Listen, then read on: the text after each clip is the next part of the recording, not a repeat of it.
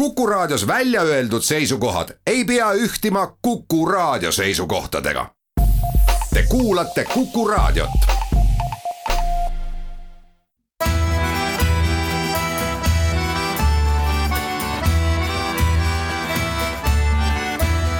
Kirillitsas Eesti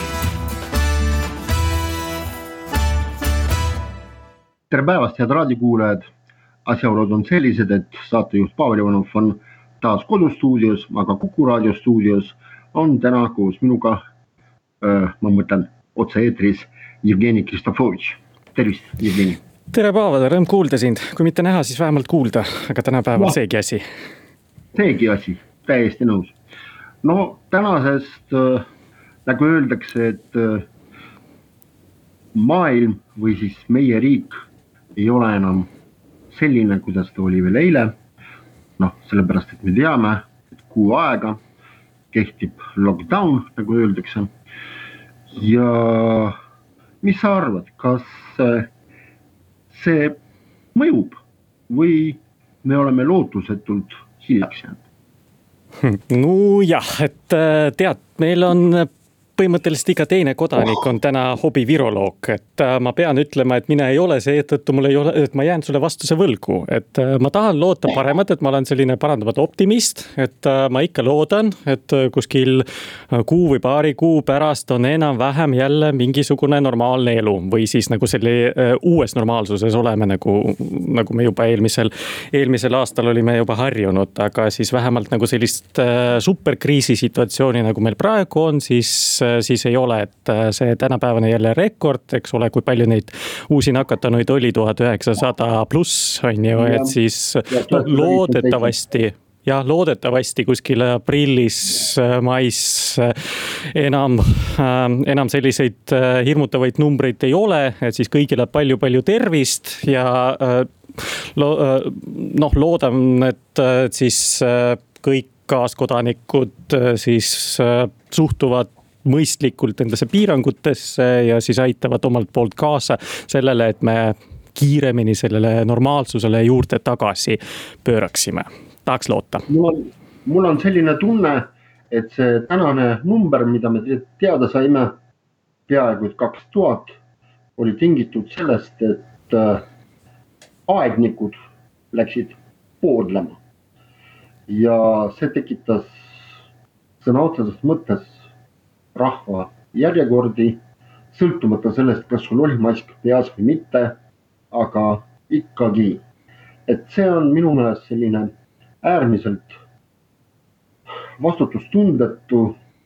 seda enam, et äh, aianduspoed, ehituspoed on ju öelnud, et kuulge, et on olemas drive-in, on olemas e-pood, milles asi, ärge trügige täpselt, ärge trügige ja siis eh, noh, ma eh, ka vaatasin siin viimastel päevadel sotsiaalmeedias oli hästi palju selliseid eh, pilte, et no viimasel päeval jõudsin ikka jõusaali, et viimasel päeval läksin nüüd restorani tähistama, et uus lockdown algab. no come on inimesed, et see lockdown ei alga just selleks, et mingisugune lahkumispidu korraldaksite, aga ka ikkagi seetõttu, et meie numbrid on sellised täiesti košmaarsed. noh, ja, ja jälle ei tahaks nagu nagu siin üritada kuidagi eetris rahvale, ma ei tea, mingisuguse moraali lugeda, aga noh, natuke rohkem nagu loogilist mõtlemist võib-olla võiks olla veel rohkem, on ju, aga noh, ikkagi, ikkagi need olid sellised noh, ma tahan loota, et nagu üksikud erandid, et. ma eile nägin venekeelse Postimehe videoküsitluse linnas, kus siis küsitleti enamuses vene keelt kõnelevaid inimesi kuidas nemad suhtuvad sellesse lockdown'i. Ja ma pean sulle tunnistama, et kogu selle seltskonna peale oli ainult üks või kaks inimest, kes noh, ei teinud välja sellest just ma vaatasin ka, ma täna hommikul vaatasin seda, ma seda küsitlust, ma mõtlesin, kusjuures, et see pealkiri oli kuidagi intrigeeriv selline, et äh, siis mida siis rahvas arvab kogu sellest asjast, ma mõtlesin, no nüüd, nüüd see rahvas nüüd arvab seal. aga ei, tegelikult, et äh, need seisukohad olid väga mõistlikud ja see andis äh, ka mulle nagu optimismi juurde. et äh, need olid just nagu sa ütlesid, valdavalt venekeelsed inimesed, äh, siis kuskil seal äh, Lasnamäe bussipeatuses ja ja siis enamik neist rääkis mitte noh, väga, väga mõistlikku juttu ja selles noh, ma ja noh pikalt, et miks et miks nad arvavad, et noh, need piirangud on olulised ja siis julgustaksid ka teisi inimesi siis sellega nagu kaasas käia ja siis noh, paar inimest ütlesid oma sellest koroona kogemusest, et, et neil see haigus juba oli ja tegelikult on jube asi, et ei tahaks nagu uuesti nakatuda. ja et palun inimesed, olge mõistlikud mõistlikud, et äh, mulle ka väga meeldis tegelikult see tänava intervjuu, see oli väga lootustandev. aga no muidugi me ei tea inimhinge, inimkäitumist. me tegelikult äh, võime ainult oletada, et need inimesed, kes olid küsitletud, võib-olla see oligi juhuslik valik, aga siiski ma võib-olla utreerin olukorda, mul on selline tunne, et inimesed sõltumata rahvusest on ikkagi aru saanud, et no nii enam jätkata ei saa jah, täpselt, et äh, ja siis neist äh, noh, koroona dissidente, kes siis äh, kutsuvad inimesi kaubanduskeskustesse siis turvameestega kaklema. et siis see oli ka nagu väga positiivne uudis, kui see koroona dissident oli seal üksi näiteks, et, et siis see. Need, need galeriid, eks ole, mis oli kõikides, kõikides lehtedes, kus ta uhkelt seisis üksinda ja siis pidas pressikonverentsi, et see oli tegelikult ka väga hea, et see tähendab ju seda, et tegelikult enamus inimesi on nagu mõistlikud mõistlikud, et võib-olla natuke selline äh, sotsiaalmeedia hüsteeria, kus me näeme nagu mingeid sadu kommentaare sellest, et äh, koroonaviirus on väljamõeldis ja jooge soodat või midagi, midagi sellist, et äh, noh, päriselus ei pruugi nagu see alati äh,, alati nii olla, see on väga hea.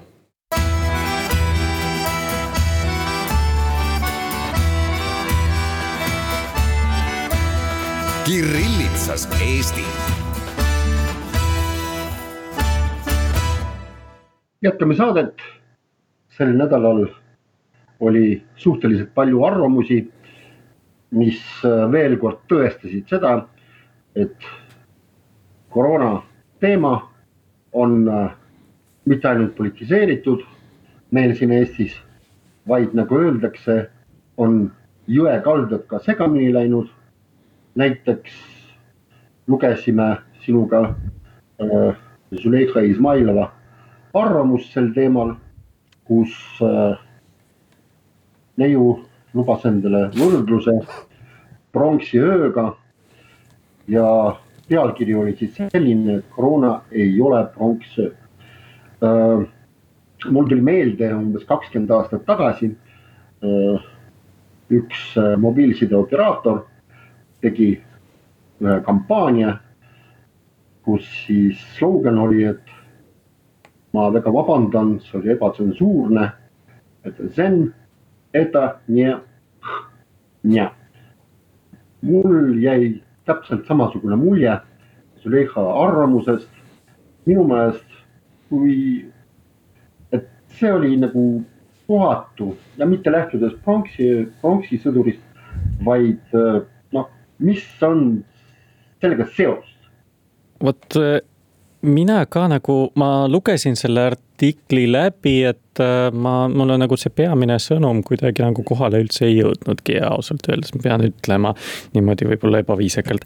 aga siis äh, noh, ma see äh, sissejuhatuses äh, nagu olnud selline sõnum, et äh, koroonaviirus tegelikult ei tee vahet ei siis rahvuspõhiselt ega keelepõhiselt, no jaa, väga õige, ei teegi äh,. siin äh, noh, probleem on, äh, probleem on praegu no, nagu milles, et statistika meile näitab, et äh, näiteks venekeelne elanikkond on äh, natuke skeptilisem või siis tegelikult mitte natuke, vaid poole võrra skeptilisem äh, võrreldes eestlastega siis äh, vaktsineerimise suhtes äh,. Postimehes oli äh, siin hiljuti üks äh, analüüs ja siis värske statistika, mis näitas, et venelastest on noh, poole vähem siis respondente soovivad vaktsineerida võrreldes eestlastega, et Äh, ja siis äh, poole võrra rohkem inimesi, kes kas kahtlevad, aga ilmselt ei või kindlasti mitte. eestlasi oli kümme protsenti, kindlasti mitte, venelasi kakskümmend protsenti jälle.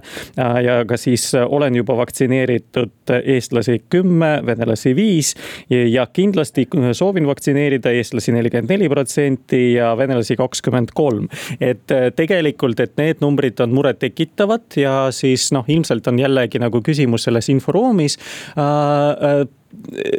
seetõttu noh, ma väidan sellepärast, et, et noh, no näiteks Venemaalt Äh, tulevad selliseid signaale, et nad ei ole võib-olla nagu täiesti nagu sellised vaktsineerimisvastased, et äh, Putinil oli siin üks pressikonverents või nagu kohtumine mingisuguste jälle jüngritega.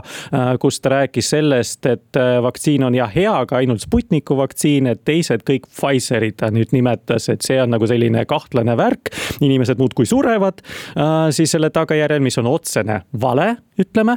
ja siis noh, meie, meie sihtrühmani kahjuks jõuavad sellised sellised äh, vastuolulised signaalid ja nemad mõjutavad, otseselt mõjutavad neid samu, äh, neid samu numbreid äh, mida me näeme siis kohalikus statistikas ja mis siin, mis siin ikka salata, et kui Euroopa koroona pealinn on meil Maardu või siis Narvas on olukord väga kriitiline ja Tallinnas Lasnamäel, siis no kahjuks on selge, eks ole, et kus, kus on meil noh, mm, kus on meil nagu probleeme, kus nagu seda kriisikommunikatsiooni on vaja no eile televisioonis räägiti ikka sellest, et, et see ei ole õige jutt, kui räägitakse, et äh, valitsuse kommunikatsioon vene keeles puudub äh,. meile öeldi telekast, et kõik on nagu korras, kõik toimib. aga kui sa panid tähele selle Züleyxa Izmailova arvamusest, et siis äh, ta tegelikult lõpetas sellega, et ta sisuliselt süüdistas Reformierakonda ja loomulikult, et äh, Züleyxa Izmailov ikkagi esindab äh, opositsioonis äh, oleva erakonda, et riigikogus mitte esindatud, aga valitsuse suhtes opositsioonis oleva erakonda. ja siis noh, jah, ta praegu teeb, teeb poliitikat selles mõttes, no jah, et miks mitte, on ju, see on ka demokraatlik protsess. aga, ja siis, kui me ja seetõttu nagu ei tahaks nagu olla kriitiline, et noh, mis ta, mis ta veel nagu saab öelda, ainult niimoodi, et valitsuses on kõik lollid. et äh, see on ju tüüpiline. Äh, ja seetõttu, seetõttu nagu lihtsalt võtame teadmiseks, eks ole, selle, selle seisukohta ja lähme edasi, et võib-olla, võib-olla ma olen jällegi praegu poliitiliselt ebakorrektne. aga kui rääkida Reformierakonnast, siis äh, sel nädalal oli ka äh, selline huvitav äh, kirjavahetus või siis äh, arvamuste vahetus, kus kus siis sai välja lugeda, et tegelikult äh, jätkub vastasseis Tallinna ja sellesama Reformierakonna vahel. ja ausalt öeldes, kui ma rääkisin sellest, et äh, jõekalded on segamini aetud, siis ma ausalt öeldes ei saanud ka Kristen Michali sellisest äh, mõttekäigust aru, et selle asemel, et Kõlvart nõuab eriolukorda ta võiks mõelda, miks venekeelne inimene teda ei usalda. mis on järjekordselt, mis on see seos?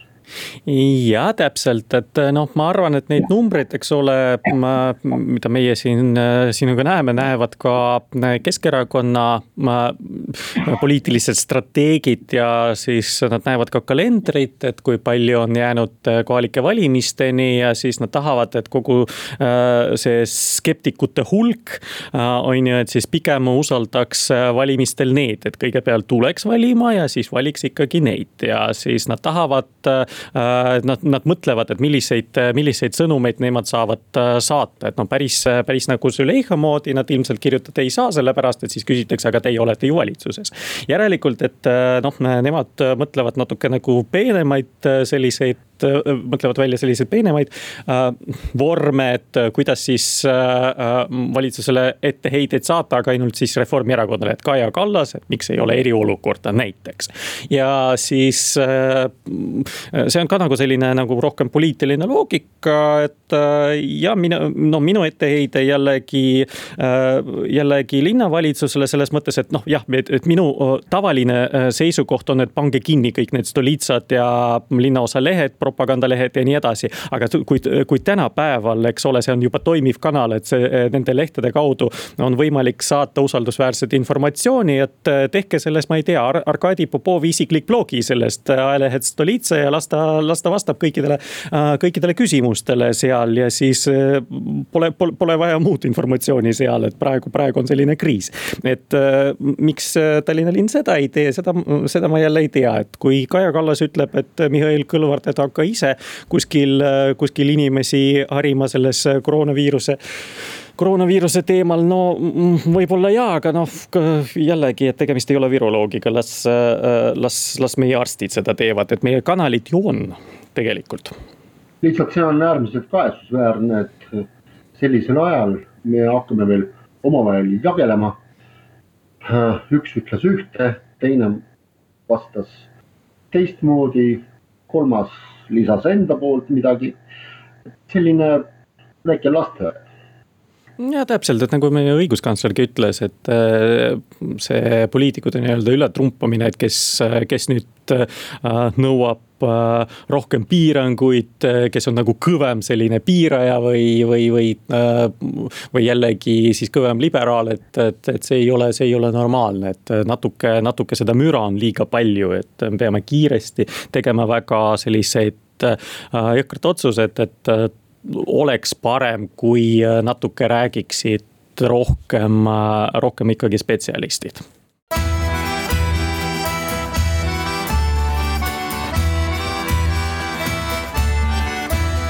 Kirillitsas Eesti. meie saade jätkub Kuku raadio stuudios Jevgeni Kristofovitš, kodustuudios saatejuht Pavel Ivanov ja üks väga huvitav uudis tuli sel nädalal, mis puudutab venekeelset haridust ja seda peaminister Kaja Kallase suust. nimelt ta ütles, et ta ei näe vajadust piirata venekeelse hariduse Eestis. ja selgituseks ta ütles nii, kui veel mitu aastat tagasi kaheksakümmend protsenti Eesti elanikest tahtis et eesti keele õpe algaks lasteaias. nüüd tuleb väga huvitav mõttekäik. vastavalt sellele ei ole põhjust piirata venekeelne haridus Eestis, aga on äärmiselt vajalik äh, toetada koole, et äh, tagada vastavad tingimused selle jaoks, et oleks kvaliteetne haridus eesti keeles. Nendele lastele, kellele on eesti keel äh, emakeel ja nii ka lastele teise emakeelega. et äh, ma nagu ei saanudki aru, et äh, mis tähendab, et vastavalt sellele, et äh, paar aastat tagasi kaheksakümmend protsenti Eesti elanikest tahtis, et eesti keele õpe algaks lasteaias ja vastavalt sellele ei ole põhjust piirata venekeelne haridus. kas sa saad aru? Hmm. ma saan aru nii palju, et see oli vastus vist kirjalikule küsimusele, mida esitas kas Kaljulaid või Ossinovski äh, peaministrile ja see oli ka sõnastatud umbes, et äh, kas te tahate kõik päevapealt Äh, kinni keerata või midagi sellist. et äh, ja siis soov oli just, äh, just kuidagi nagu jällegi rünnata siis või nagu mingisugust nagu sõnast kinni võtta, et jah, et ta vastas niimoodi diplomaatiliselt kogu sellele asjale, et mina isiklikult ootan valitsuselt otsustavaid samme selles muukeelse hariduse osas, et tegelikult on meil suur probleem sellega nüüd et eile vist oli see Postimehe see arvamusliidrite lõuna, kus kõneles Irene Käosaar ja rääkis sellest, et meil üheksanda klassi, Irene Käosaar on Integratsiooni Sihtasutuse juhataja, kes ei tea. siis tema ütles, et üheksanda klassi vilistlaste hulgas siis need, kes lõpetavad muu siis õppekeelega kooli või siis venekeelse kooli, et need umbes nagu saab noh, niimoodi kirvega, et jagada siis kolmeks, kolmeks grupiks, et üks grupp siis, kes oskab eesti keel siis nõutaval B1 tasemel, see on väga-väga nõrk tase tegelikult. siis veel kolmandik, kes ei oska isegi sellel tasemel riigikeelt ja üks kolmandik, kes oskab keelt natuke paremini, et valdavalt siis need on keelekümblusklassid nii kasvandikud, et tegelikult jällegi noh, sellised kolm üsna võrdset gruppi ja, ja siis need, need numbrid ei ole väga optimistlikud, et, et tegelikult on meil sellega probleeme. jälle, kui me võtame neid absoluutarvu siis nendes koolides, mis tegelikult Äh, on meil noh, sisuliselt venekeelsed, et kus on gümnaasiumi osas lihtsalt on kõik äh, selle hariduse infosüsteemi järgi, nad on kõik eesti koolid eesti õppekeelega. aga no Linnamäe Vene Lütseum ei ole mingi eesti kool äh,. olgem nüüd ausad ja siis ma eile äh, võtsin lihtsalt Exceli tabeli ja siis ise arvutasin, et kui palju nendes koolides õpib õpib äh, gümnaasiumiastmes noori, siis noh, suurusjärgus kuskil umbes viis tuhat inimest, et oli neli tuhat seitsesada mingite kopikatega, et siis äh, Haridussilma andmetel. et äh, tegelikult neid noori ei ole väga palju, eks ole, et kelle jaoks äh, on vaja mingeid erimeetmeid ja väga kiiresti selleks, et nende keeleoskus paraneks. et tänapäeval ma arvan, et seda metoodilist kom-, metodoloogilist kompetentsi on piisavalt selleks, et et neid inimesi aidata. et siis vähemalt, et kui nad juba lõpetavad gümnaasiumi näiteks, et siis nende eesti keele oskus oleks, oleks, oleks C1, eks ole, mitte nõutav B2, milleni siis jälle mitte kõik ei jõua. aga siis oleks C1 täiesti, täiesti hea.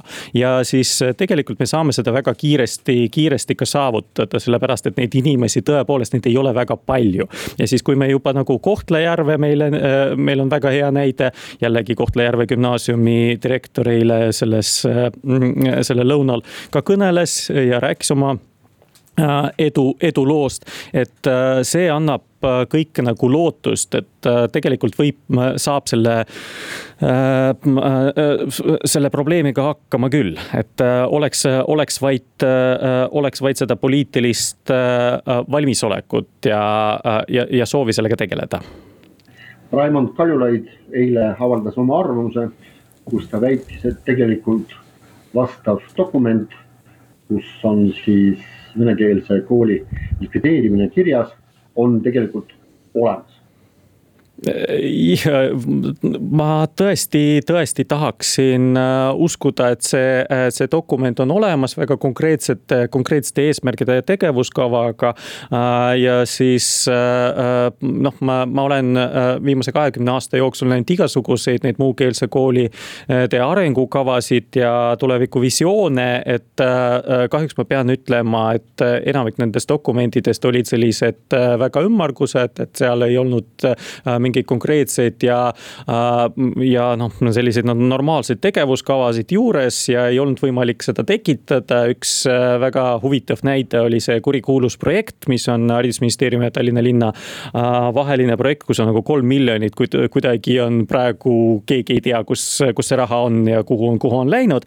ja siis, et selles, selles Eesti Ekspress jälle kirjutas nagu kaks nädalat järjest ja, ja ilmselt kirjutab veel sellepärast, et ikkagi jube huvitav, kuhu see raha läks, et selle rahaga oleks võimalik kõike nagu juba ära teha, aga ainult, ainult kolm kooli selles projektis osalevad ja siis väga huvitav, et. et, et, et, et mida siis saavutati, et miks, miks need numbrid on nii kehvad praegu on, et ma ei tea, mis, mida, mida täpselt nagu peab silmas nagu Raimond Kaljulaid, kuigi see noh, ja jällegi, et see sõnum oli ainult venekeelses, venekeelses ajakirjanduses ja noh, ilmselt nagu selleks, et näidata, et noh, vaadake, et keskerakondlased on reet-, reetorid, noh tore, eks ole, aga see on jälle poliitika, et see ei puutu üldse asjasse, et see, kes, kes seal on suure vene rahva reetur või ei ole reetur, see absoluutselt on mingi, mingi tühi jutt, et küsimus on nüüd selles, et kas meie noh, muu kodukeelega noored oskavad eesti keelt või mitte ja siis kui haridusministeeriumis on juba mingisugune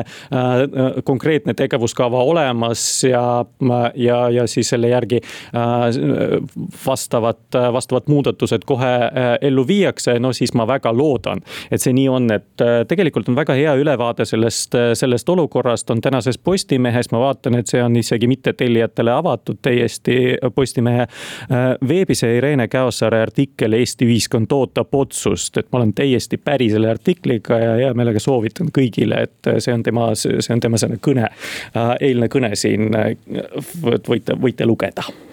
No otsust ootavad ju kõik ja äh, aastakümneid, aga otsust ei, ei ole äh,. kuigi ma ei tea, kas äh, see, et äh, peaminister Kaja Kallas käis selle mõtte välja, et ei ole põhjust piirata venekeelne haridus. et äh, võib-olla see on mingi uus lähenemine nii Reformierakonna poolt, nii ka valitsuse puhul. aga täpselt ja ma võib-olla siia veel nagu lisan seda, et nagu ka Irene Käosaar jällegi kirjutab, ma siin, siin tsiteerin teda hea meelega, et sisuliselt tehti viimane otsus aastal kaks tuhat seitse. mil määratleti täpselt üleminek eestikeelsele aineõppele gümnaasiumiastmes, praegu on kaks tuhat kakskümmend üks. ja siis ta tegi eile siin pika pausi, eks ole, ja vaatas niimoodi ekraani, et noh, kas teile ei tundu ka. et mulle, mulle näiteks tundub isiklikult, ma pean ütlema, et mina olen siin, siin jällegi nõus, et siin mingi, mingi, mingi otsus ka peab olema olema nagu konkreetse jällegi tegevuskavaga, ressurssidega. ja siis äh, selline, mis, äh, mis sihtrühmale, ühiskonna ootustele vastab. Äh, et, et, et, et sellised, sellised otsused, et see ei ole nagu kättemaks, eks ole, see ei ole, see ei ole mingi soov, ma ei tea, koht kätte näidata või, või mingi, mingi muu nii-öelda negatiivse, negatiivse taustaga asi, aga see peab olema nii-öelda just tulevikku vaatav visioon, et seda, seda ma arvan, kõik ootavad.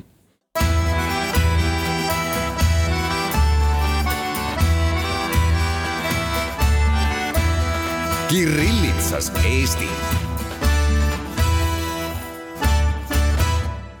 meie saade jätkub. ma panin tähele, et viimase kahe nädala jooksul on väga huvitavaid asju toimunud Venemaa ühes telekanalis TNT. see on föderaalkanal aga see on täiesti meelelahutuslik kanal, mis põhimõtteliselt näitab kas siis Comedy Clubi või siis muid naljaasju.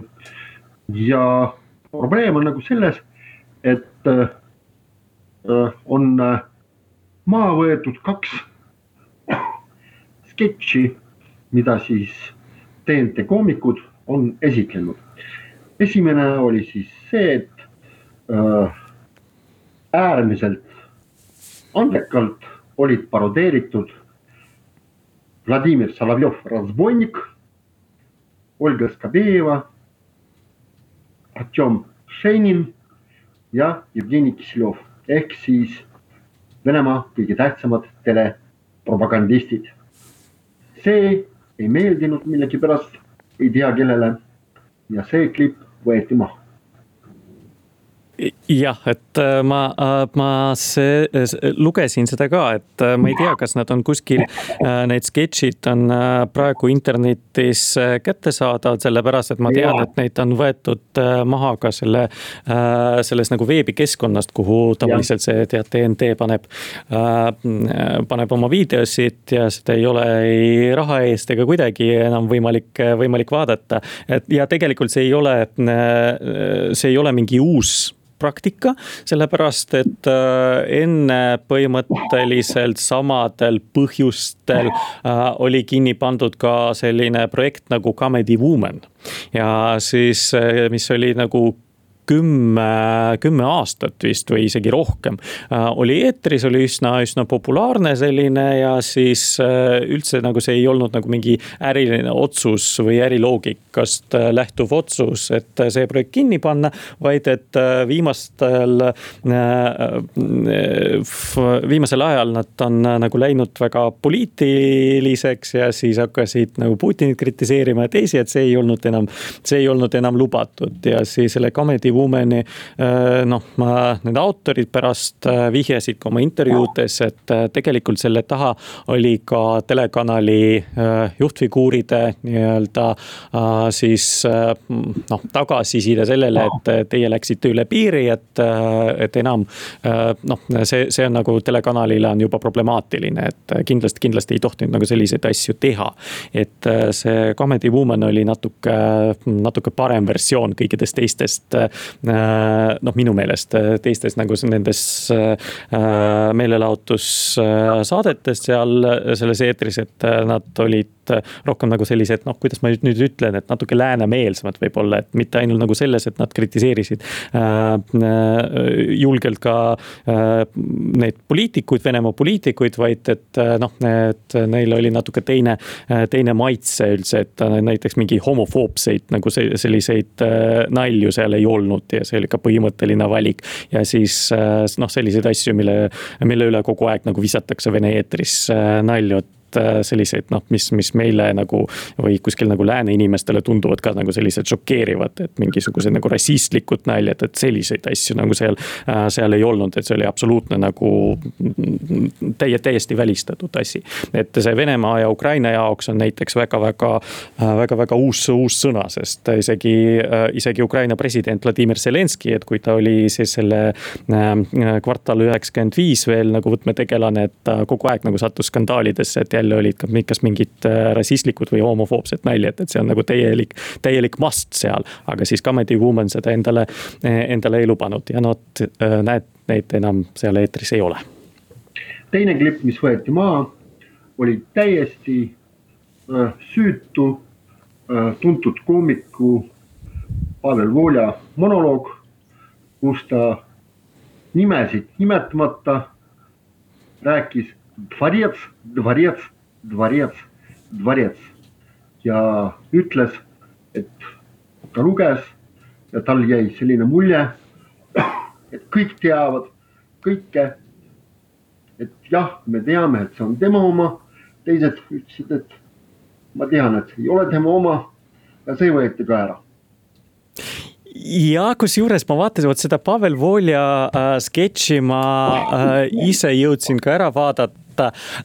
ja mulle tundus, mul oli hoopis teine, äh, pean ütlema, nagu see emotsioon, et ma mõtlesin, et äh, nüüd ta nagu üritab õigustada kogu seda asja, sest äh, ta rääkis sellest, et kus need, et need inimesed, kes usuvad seda noh, korruptsioonijuttu, mis oli selle lossiga seotud. ehk siis selle Putini Gelendžiki, väidetavalt Putinile kuuluva Gelendžiki lossiga, siis et hoopis need on lollid, et ma mõtlesin, et ahah, okei okay,, et nüüd nagu selle kanali kaudu, et Pavel Volja on ikka see Comedy Club ja siis nagu rohkem, et nemad. Äh, kui teevad mingisuguseid nalja Putinist, siis alati positiivsed, et, äh, et, et siis ma mõtlesin, et kasutatakse ka selle kanali selleks, et natuke, äh, natuke mõjutada, mõjutada sihtrühma jällegi nagu äh, Putini kasuks. aga, aga, aga selgus, et et siis no nii-öelda nagu selline peatsensorile siis jäi hoopis teine mulje kogu sellest asjast ja jällegi, et kui see, kui te üldse nagu sellest asjast räägite, et, et, et te olete reeturid, et, et, et ei tohi. ja siis, siis ka see Pavel Volja nagu sketš võeti, maha. et no ma mõtlesin, et noh, nüüd on äh, päris huvitav, et, et see, see teema kui selline, äh, ta, mm, ta on ikkagi nii valus äh, Kremlile ja siis presidendi administratsioonile, kellel on absoluutne nagu otseliin kõikide nende föderaalsete telekanalitega, et kes ise nagu äh, poodi lasevad muidugi seal ja siis, siis nemad ütlesid, et ei tohi. et järe, järelikult see, see on oluline teema. ja lõpetuseks paar minutit sellest, et sel nädalal me saime teada, et Yana Toom lahkub Narva Keskerakonna ringkonnast. tema ei näe ennast selles ringkonnas ja ta tahaks lõpetada oma suhteid, sellepärast et nende mängudega ta ei taha mitte midagi ühist omada. et äh, mis sa arvad, kas äh, see kuidagimoodi mõjutab nii kohalikke Narva keskerakondlasi või siis konkreetselt Yana Toomi ilmselt konkreetselt Yana Toomise partei siseselt kindlasti mõjutab, sellepärast et see on täielik läbikukkumine, et eh, noh, Yana Toom ikkagi olnud nagu vaieldamatu autoriteet, arvas keskkontor ja sest igal pool, eh, kaasa arvatud Ida-Virumaal ja konkreetselt Narvas. ja siis, eh, kui Yana Toomiga nagu pool Keskerakond ei tahtnud enam teha koostööd ja siis teda autoriteedina enam ma ei tunnistan, siis, siis on tema jaoks nagu muidugi probleem. ja see, et ta lahkub, on sealt on täiesti, täiesti loogiline ja nüüd on huvitav, kuhu see äh, ülejäänud äh, seltskond, eks ole, kes, äh, kes, kes ei olnud või, või kes on jäänud nagu truuks võib-olla nagu Yana Toomile, seal on väga keerulised tegelikult need omavahelised suhted seal Narvas. ja siis kuhu need nüüd lähevad, et eelmisel nädalal teatas suure uhkusega erakond EKRE, et nemad avavad Narvas oma rakukese ja siis suur juht Mart Helme isiklikult oli kohal ja siis ma vaatasin, et äh, EKRE avas, äh, EKRE Narva avas ka Facebookis lehe, kus on roosa taustaga ja vene keeles täiesti oli kirjas. et siis naistepäeva puhul oli, oli kohe nagu venekeelne selline tervitus, et no väga huvitav, eks ole, mitte, ma mõtlesin kusjuures, et keegi trollib EKRE-t, et ei, selgus, et täiesti EKRE Narva ja venekeelne nüüd huvitav, huvitav, mis nüüd sügisel hakkab seal toimuma. aga meie tänane saade hakkab lõppema. tuletan meelde, et Kuku raadiostuudios oli Jevgeni Kristofovitš, kodustuudios oli saatejuht Pavel Ivanov. aitäh kuulamast, nädala pärast kohtume taas